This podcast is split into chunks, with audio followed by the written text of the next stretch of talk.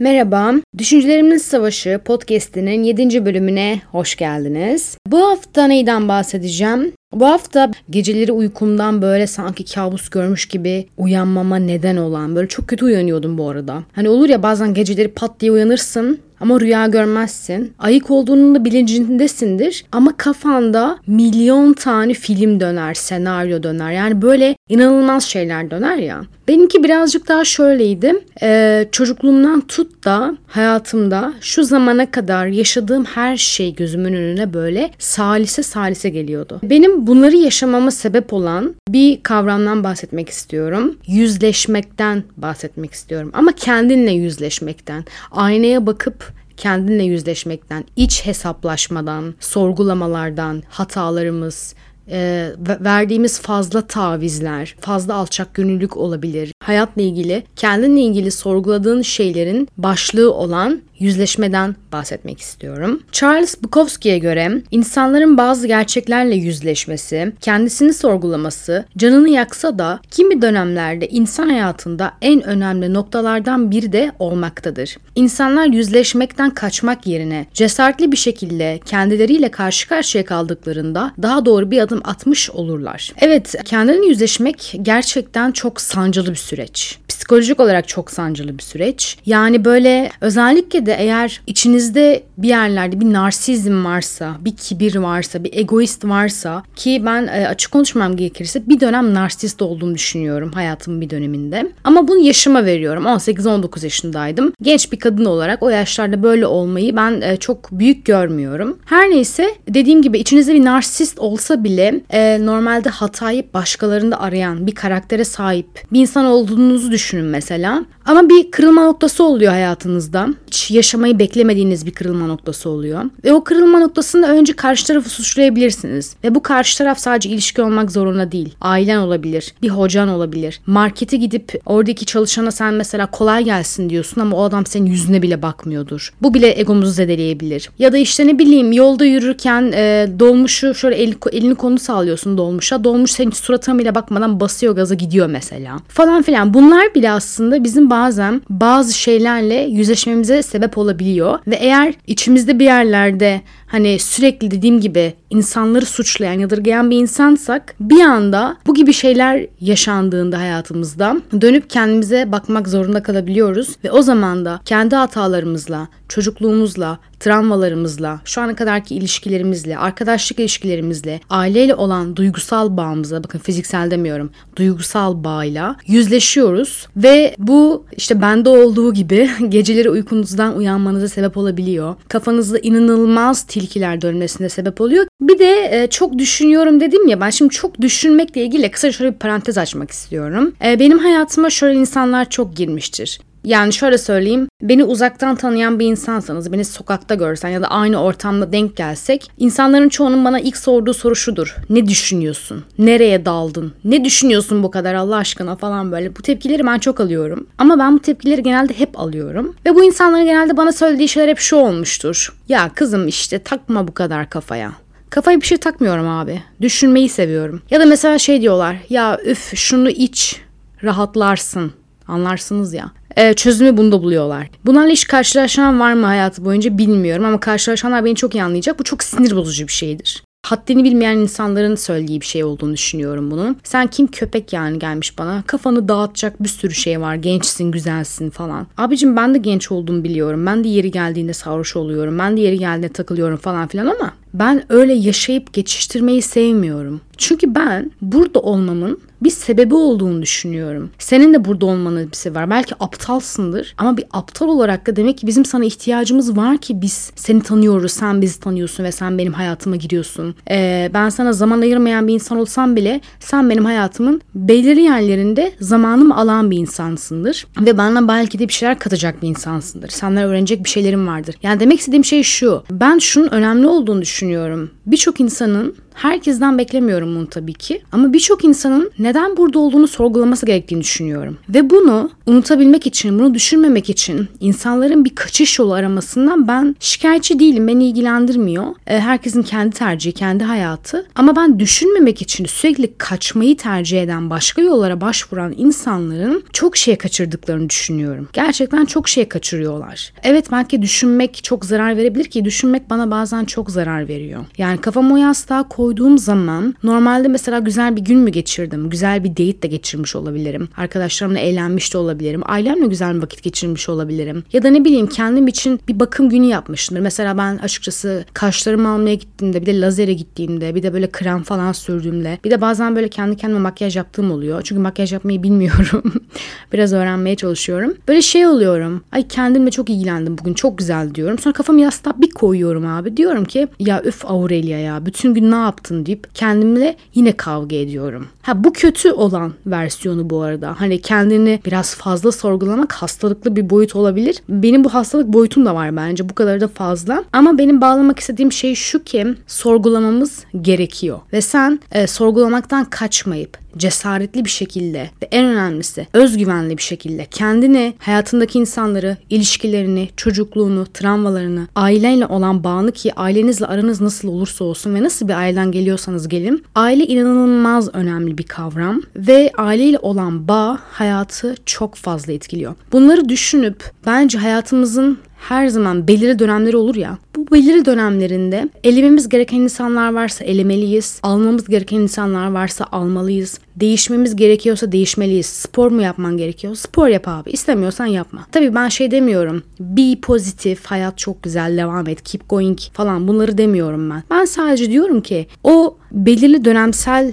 e, şeylerde hani çok fazla böyle artık bir şeyler ters gidiyorsa ya da sorgulama dönemlerimiz olduğunda o düşüncelerden kaçmak yerine dediğim gibi çok cesaretli bir şekilde istersen aynanın karşısına geç ve kendini bir sorgula. Ben nasıl bir başrolüm? Kendi hayatıma nasıl bir başrolündeyim deyip bir sorgula. Değiştirmen gereken şeyler varsa değiştirmeye koyul bence. Bence bunu dünyadaki her insan yapmış olsaydı bu kadar kavga gürültü olmazdı. Twitter'ın gündemi bu kadar patlak vermezdi. Twitter'ın gündeminden kastım da Türkiye gündemi değil. Hani Twitter'da sürekli o onu aşağılıyor, bu bunu aşağılıyor. O ona laf sokuyor, bu buna laf sokuyor. Ünlüler sonra birbirine laf sokuyor. Annelik kavramı zart. Yani bunlar bu kadar ilerlemezdi. Hani hani o zaman ne olurdu? Sen kendinle meşgul olduğun için, kendini sorguladığın için, kendini değiştirmen gerektiğini ve hayatında bazı şeyleri değiştirmen gerektiğinin farkına vardığın için o zaman ne oluyor? Otomatik olarak artık insanlarla ilgilenmemeye başlıyorsun. O zaman da aa tamam bu da böyleymiş deyip geçiştiriyorsun. Yani bilmem anlatabildim mi?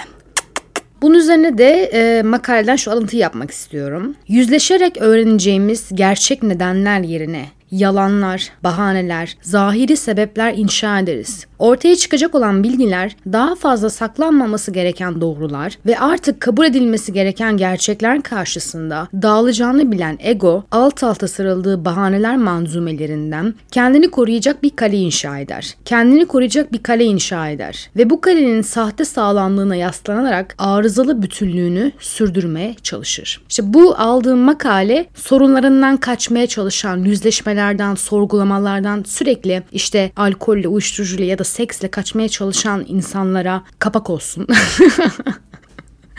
Devam ediyorum. Ee, insan doğası karşılaştığı kimi zor durumlar nedeniyle gerçeğin kendisiyle yüzleşmektense egosunun parçalanıp dağılmasını önleyecek zahiri sebeplere daha kolay kabul edilebilir bahanelere sığınabilir. Bu kişiye, duruma, koşullara göre değişen gerekçelerle kimi zaman bir koruma yöntemi, kimi zaman gerçeği sindirip kabullenebilmek için hayattan zaman kazanmak anlamına gelebilir. Bakın şu çok hoşuma gitti. Hayattan zaman kazanmak. Ben bununla ilgili kendi hakkımda bir şey söylemek istiyorum. Benim yaşım çok genç. Ben 22 yaşındayım. Ama daha önceki podcastlerimi dinlediyseniz ben hep ruhumun biraz daha yaşlı olduğunu söylüyorum. Çünkü erken yaşadım. Birçok şeyi erken yaşadım. Ama bu erken yaşamayı ben tamamen fiziksel bir erken yaşamaya bağlamıyorum. Ben ruhani olarak yani manevi olarak birçok şeyi erken yaşadım. Ve şimdi dönüp bakıyorum da önceden ben hep hayatımdaki insanları suçlardım. Erken yaşadığım için. Hep çevremdeki insanları suçlardım. Ha tabii onların da payı vardır bunda ama manevi olarak baktığım zaman bunu ben seçmişim. Erken yaşamayı ben seçtim.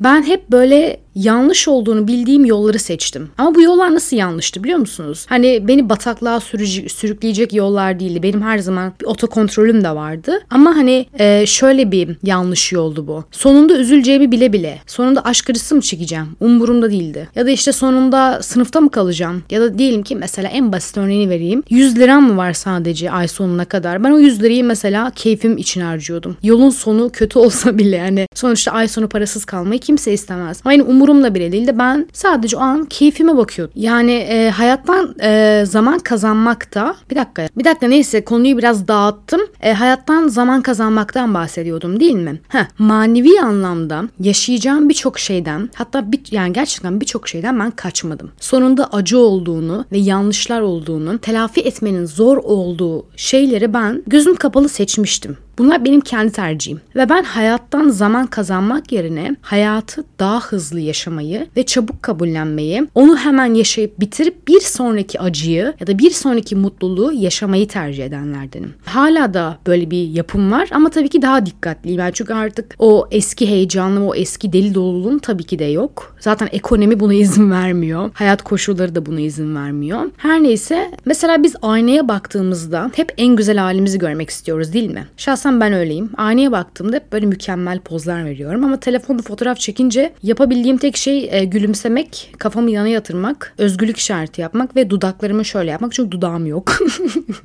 o yüzden en güzel halim o, o olduğunu düşünüyorum. Onu yapıyorum. Neyse ya da işte günümüzde eminim hepimiz yapıyoruz bunu. E, ama mesela en çok yaptığımız şey ne? Instagram profilimize girip of Allah'ım yine harikayım, şu güzelliğe bak, şu karizmaya bak diyoruz. Böyle hiç kusurlarımız yokmuş gibi değil, değil mi? Çünkü Instagram Instagram'a attığımız fotoğrafların bir kusuru yok. Çünkü en güzelini seçiyoruz. Ya da işte bazen Twitter'a giriyorum. Mesela ben çoğu zaman sabaha kadar kendimi Twitter'da stokluyorum tamam mı? Diyorum ki Allah'ım mükemmel bir mizah anlayışım var. Bu nasıl bir zeka göstergesi? Mesela Twitter ve Instagram için böyle şeyler söylüyorum kendime. Böyle gün içerisinde. Ama işte dediğim gibi o yastığa kafamı bir koyuyorum. Allah'ım o attığım fotoğrafın arkasındaki gerçek nedenler da o fotoğrafı attığım günün gecesi aklıma geliyor. Travmalarım, ağladığım geceler. Ya da o mesela mizahım çok iyi dedim ya. O mizah seviyemin gelişmesine katkıda bulunan acılarım, travmalarım, aptallıklarım, salaklıklarım aklıma geliyor. Mesela bazen bir tweetimi okuyorum tamam mı? Çok gülüyorum tweetime ya da e, retweet yaptığım şeylere çok gülüyorum. Ondan sonra kafamı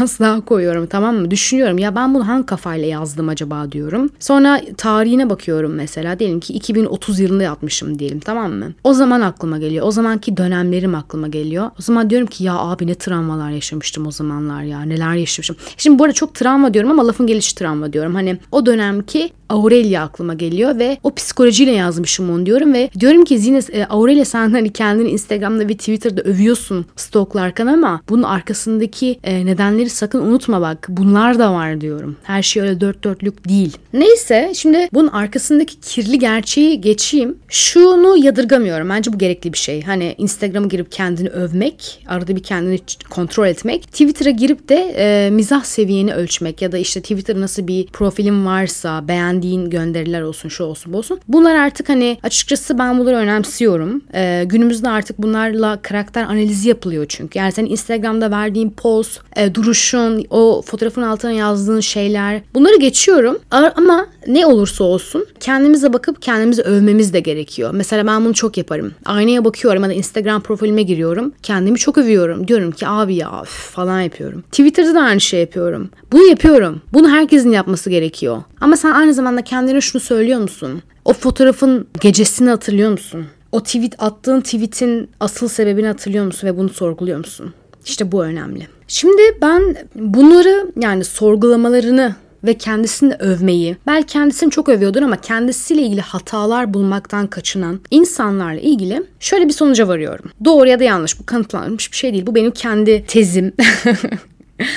Neyse şimdi e, bazı insanlar var. Ben bu insanların ruhsal bir üşengeçliğe sahip olduğunu düşünüyorum. Bu insanlar bence şöyleler. Açıklama yapmaktan kaçıyorlar. Sorulardan kurtulmak isteyen, kişisel alana saygı koymakla sorumluluk sahibi olmayı birbirini karıştıran insanlar mesela. Yani bunlar kendileriyle acaba yüzleşiyorlar mıdır? Tabii bu insanların iç dünyalarında ne var bilemem. Ama hani her şeyi geçiştirmek için, sorulardan kaçmak için, verdiği sözlerden kaçabilmek için e, ve gelip geçici cevaplara sınıyor. Genelde mesela tek verdikleri cevap ha, hı, okey, ha falan böyle hani tek cevap. Yani erkekler bunu çok yapıyor. Sinir krizi geçiştiriyor bana bu. Neyse yani hani her şeyi geçiştirebilmek için çok fazla yalana da sığınıyorlar. Ve e, bu bir yerden sonra bence bir alışkanlık haline geliyor. Yani her şeyi geçiştirmek için bir şeylerden, insanlardan kaçmak. Şimdi böyle böyle alıştırırsan sen kendini sorgulama yapmayı bence unutursun. Çünkü sonuçta önce bir sosyal hayatın var. O sosyal hayattan yaşadığın şeyler, sosyal çevren, onlara nasıl bir izlenim bıraktığın, onların hayatında nasıl bir yan rol oynadığın önemli. Yani sosyal çevredeki e, yaşantılarına göre, tecrübelerine göre hani kendini sorgulayabilirsin. Hani yapayalnız bir şekilde bir yere kadar kendini sorgulayabilirsin değil mi? Sonuçta hayatında birileri olması gerekiyor. Ve ben bu kişilerin hayatlarında e, bir köşeye sıkıştıklarında kendileriyle yüzleşme cesareti bulamayacaklarını düşünüyorum. Hatta bu öyle bir seviyeye geliyor ki en sonunda kendilerine bile yalan söyleyecek bir aşamaya geliyorlar ve kendilerini artık o şekilde kabul ediyorlar. Ve bu bizim toplumumuzda çok fazla oluyor. Çünkü biz Türkiye'de biz böyle yani öyle bir toplumuz ki hani her şeyi kısa yoldan halletmeye bayılıyoruz. Gerçekten Türkiye bu konuda efsane bir ülkedir. Yani her şeyi kısa yoldan hallediyoruz. Mesela underground işler. Of yani. Ya da lafı daha anlamadan anlıyormuş gibi yapıyoruz. Mesela bu bende çok oluyor. Ben mesela geçenlerde bir dönerciye gittim tamam mı? Ucuzdu. Oraya gideyim dedim.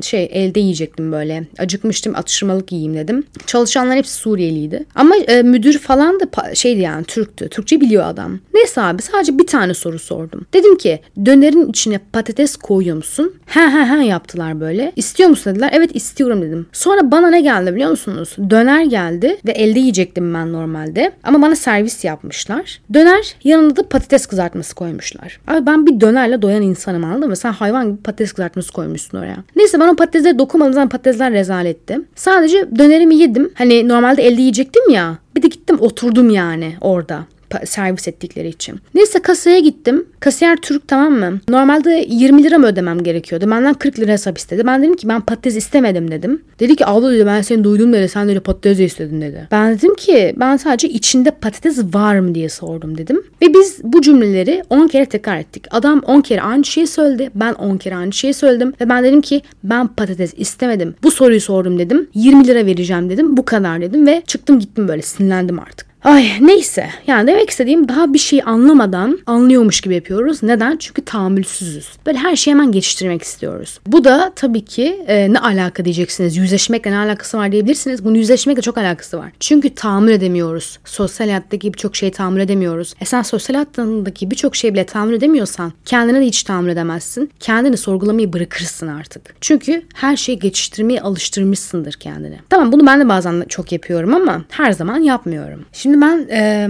şu son bir ayda özellikle kendimle ilgili yüzleştiğim bazı e, durumlardan bahsetmek istiyorum. Bu süreç nasıl başladı ve ben bu süreçte bir ay boyunca ne yaşadım, nelerin farkına vardım, ee, ne rüyalar. Gerçi rüya görmedim. Normalde ben çok sık rüya görürüm ama bu süreçte hiç rüya görmedim. Başında da dediğim gibi bir anda uyanıyordum ve uyandığım zaman 2-3 saat boyunca hiç uyuyamıyordum. Bazen e, sabaha kadar da hiç uyuyamıyordum ve kafamda milyonlarca film dönüyordu. Şimdi benim kendi çapımda keşfettiğim yüzleşme birincisi hiç olmak istemediğim, kaçtığım, kurtulmak istediğim, asla benzemek istemediğim, hayatımdan çıkardığım insanlara dönüştüğümü hissettim. Yani şimdi bunu nasıl açabilirim? Şöyle açabilirim. Hayatta belirli bir aşamaya gelmiş olan insanlar özellikle bunu çok iyi anlayacaklar. Mesela ben hayatı boyunca hayatı boyunca demeyeyim de hayatımın bir dö- belirli dönemlerinde çok yanlış insanları seçmiş biriyim. Gerçekten hem ilişkilerimde olsun hem arkadaşlıklarımda olsun, sosyal çevrem olsun, seçtiğim insanlar olsun. Çok yanlış insanları seçtiğim zamanlar yaşadım hayatımda. E şimdi haliyle yanlış insanları seçtiğiniz zaman ne oluyor? Siz dünyanın en mükemmel insanı bile olsanız, en iyi insanı bile olsanız hani bir söz var. Çevrenizdeki en çok vakit geçirdiğiniz 5 kişi kimse siz onun bir toplamısınız diye. Evet ben de hayatımın belirli bir döneminde o kadar yanlış insanlarla ve çevrede olduğumu düşünüyorum ki hani şu an bunun farkında varıyorum. Bir dönem ben hiç onlar gibi olmamama rağmen daha farklı olmama rağmen daha farklıdan kastım da ben marjinalim demek istemiyorum. Hayat tarzı olarak ve karakter olarak daha farklı bir de seçim hayatımda yaptığım seçimlere göre kıyasladığımda kendimi o insanlarla daha farklı bir yerde kalıyorum. Ve bakıyorum e, ben bir dönem kesinlikle onların bir toplamıymışım. Ne kadar onlar gibi olmak istemesem de. Ee, neyse bir aradan bir yıl geçti, iki yıl geçti. Ben yanlış bir hayatın içerisinde olduğumu fark ettim. 2-3 ee, yıl öncesinden bahsediyorum. Yanlış bir hayatı ve yanlış insanları seçtiğimi fark etmiştim. Ve bunu tabii ki de değiştirmiştim kendim için. E, hayatımdaki birçok insanı hatta herkesi ya birçok insan ne? Hayatımdaki herkes hayatımdan çıkardım. Yaşadığım yeri değiştirdim. Bambaşka bir hayattan bambaşka bir hayata geçiş yaptım. Ve bu aşamada da bir arkadaşımla yanlış bir şehirde, yanlış insanlarla, yanlış bir hayatta yaşadığımın farkına varmamı sağlayan bir insanla tanışmıştım ben. Bu yaşadığım sürecin son dönemlerinde bu insanla tanışmıştım. Neyse bir gün oturduk sohbet ettik vesaire falan. Sonra bana dedi ki e, çok sevdiğim bir söz vardır. O söz de şu yanlış hayat doğru yaşanmaz diye. Bu benim o zaman tam olarak anlayabildiğim bir cümle değildi. Tam olarak felsefik düşünemiyordum, karmaşık düşünemiyordum. Sonra anlamadığımı anladı muhtemelen ve bana bir açıklama yaptı. Benle ilgili bir açıklama yaptı. Dedi ki e, Aurelia'cığım sen yanlış bir hayatın içindesin. Yanlış insanlarla berabersin ve bu yanlış hayatı doğru yaşamaya çalışan doğru bir insansın demişti bana. İşte o zaman anladım. O zaman bir şeyler bana dank etti. Dedim ki çok doğru söylüyor ya dedim. Gerçekten öyle. Ben yanlış bir hayatın içindeyim ve bana hiçbir faydası olmayacak insanların içindeyim. Ha tabii faydaları oldu bana da onu birazdan açıklayacağım. Ve olmamam gereken yerlerdeyim. Ama bir şeyleri doğru yapmaya çalışıyorum. Gerçekten de bakıyorum ben o zamanlar birçok şeyi doğru yapmaya çalışıyordum. Mesela doğru düzgün bir zamanım bile yoktu. Hani kendime zaman ayıramadığım bir evredeydim o zamanlar. Ama sürekli bir şeylerin peşinden koşuyordum. Mesela bir ara DJ olmak çok istiyordum ben. Çünkü tekno müziği çok seviyorum. Bir ara DJ olmak çok istiyordum ve bir sürü DJ'ye mesaj atıyordum mesela Instagram'dan. Ama hepsi tabii ki olayı farklı yerlere çekiyordu. Sonra bundan da soğudum. Ya da işte ne bileyim ne yapmak istiyordum başka? Dergilerde içerik yazarı olmak istiyordum. Ya birçok şey yapmak istiyordum. Ama yanlış bir hayatta yaşadığım için bu olanaklara şans tanıyamıyordum. Neyse işte bu arkadaşımdan aldığım, kendisi benim arkadaşım değil aslında. Kendisi Instagram'dan bile takipleşmiyoruz. Telefon numarası bile bende yoktur ama o hiç farkında bile değil belki ama o benim hayatımı değiştirmek için attığım adımda bana çok katkı sağlayan bir insan. Sonra hayatımı baştan aşağı bir değiştirdim ve hiç beklemediğim bir anda işte bu sorgulamalarım başladı. Kendimle yüzleşmeye başladım. Hani kafamı yastığa koyduğumda benim o zamanlar mesela aklıma hep şey gelirdi. Bu insan bana bunu yaptı. Şu kişi bana bunu yaptı. Bu kişi böyle söyledi. Bu bunu yaptı. Ya da işte ne bileyim ben bugün çok e, saçma bir şey yaptım. Ya da işte ben bugün pot kırdım falan. Böyle sürekli hani genelde karşı taraftaki insanları suçlayacak düşüncelere. Ama bu sefer böyle sanki özel bir madde kullanmışım da bu sefer tamamen kendimi sorgulamaya başladım. Hiç kimse de bir hata aramadım. Tamamen Aurelia'nın hayatı boyunca çocukluğundan beri yaptığı hatalar, yanlışlar, bilmem neler kafasına dolanmaya başladım. Sonra bir ay boyunca bunları düşündüm, düşündüm, düşündüm ve her sabah uyandığımda bir sonuca varmaya çalıştım. Ve vardığım sonuçlar doğru ya da yanlış. Bunlar zamanla benim anlayabileceğim şeyler, de psikoloğun anlayabileceği şeyler. Ama vardığım sonuçlar şuydu. Birincisi ben bunca zaman hep kaçmak istediğim insanlara dönüşmüşüm. Mesela e, bir zamanlar ben ilişkilerinde aşırı sadık olan bir insanım. Gerçi hala sadık olduğumu düşünüyorum. Karşı tarafa ne olursa olsun saygının çok önemli olduğunu biliyorum ama saygısızlık yaptığım da oluyor. Bazen kontrolümü kaybedebiliyorum. Neyse yani hani bu da yaşandı. Her neyse ama hani şunu bağlamaya çalışıyorum. Mesela eski ilişkilerimde hep yanlış insanları seçen ben. Hep doğru insandım. Doğru insandan kastım da şu. Doğru insan yanlış insan kategorisine ayırmaya çalışmıyorum. Şunu anlatmaya çalışıyorum. Karşımdaki eski kişi ilişkimde eski partnerlerim benden faydalanmaya çalışan kişilerdi ve ben bu kişileri en masum duygularımla gidiyordum. Hiç sorgulamadan gidiyordum ve en güzel duygularımla seviyordum. Tabii ki bu ergenlik çağımızda da 18 yaşında üniversitenin ilk çağlarında hepimizin yaptığı şeyler oluyor ve ben bunları hata olarak görmüyorum. Bunlar yaşanması gereken şeyler. Ama hani o temiz duygulardan tabii ki eser kalmıyor. Yanlış insanlara temiz duygularla gidiyorsunuz. Yanlış arkadaşlıklarla temiz e, bağlar kurmaya çalışıyorsunuz falan filan derken hayatta bir aşamaya geliyorsun ve artık insanlara karşı tabii ki de masum ve güven dolu e, duygularla gidemiyorsun. E, haliyle ne oluyor? Şimdi sen gelişiyorsun gelişiyorsun. Artık biraz daha doğru şeylere yöneliyorsun. Doğru tercihlere yöneliyorsun. Doğru insanları senin için sana daha doğru gelecek, daha iyi gelecek insanları tercih edecek bir aşamaya geliyorsun. Ama sonra ne oluyor? O temiz duygularından ve o masumiyetinden bir eser kalmıyor. Yanlış insanlara verdiğin kıymetin, sadakatin değeri vermen gereken insanlara verememeye başlıyorsun. E, o zaman da ne oluyor? Tokat yiyorsun yani. Hani gerçekten bir tokat yiyorsun. Açıkçası ben bir tokat yedim. Yani toparlamam gerekirse bu kendi çapımda yaşadığım yüzleşmeyi yaşarken çok sancı çektim psikolojik olarak ve bu bende en sonunda fiziksel olarak etki etmeye başladı. Yani ne oldu? İştahım kesildi ve geceleri uyandığımda mesela midem sırtıma yapışıyordu. Yani öyle bir iştahsızlık ki normalde ben çok yemek yemeyi severim. Yani hem fiziksel hem psikolojik olarak bu insanı çok yıpratıyor ve bunu hazır olmak çok önemli. Cesaret istiyor bu. Gerçekten ben bunun herkesin cesaret edebileceği bir e, sorgulama olduğunu düşünmüyorum. Ama kesinlikle gerekiyor mu? Gerekiyor. Hani bunu şey gibi düşünebilirsiniz. Bazı insanlar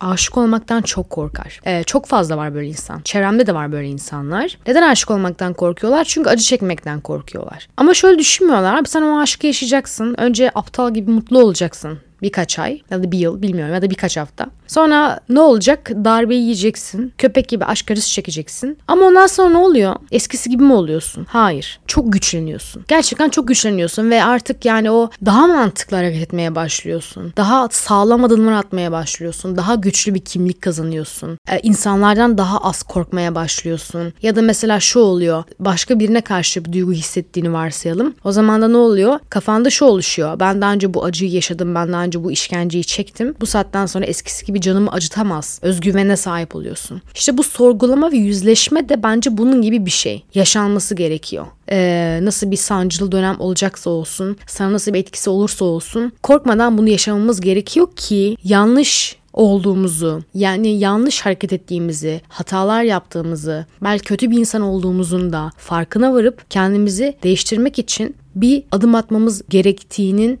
farkındalığına varıyoruz bence. Ay son cümleyi toparlayamadım. Bu da benim kendi çapımda bir mottom olsun. E, alıntılayabilirsiniz.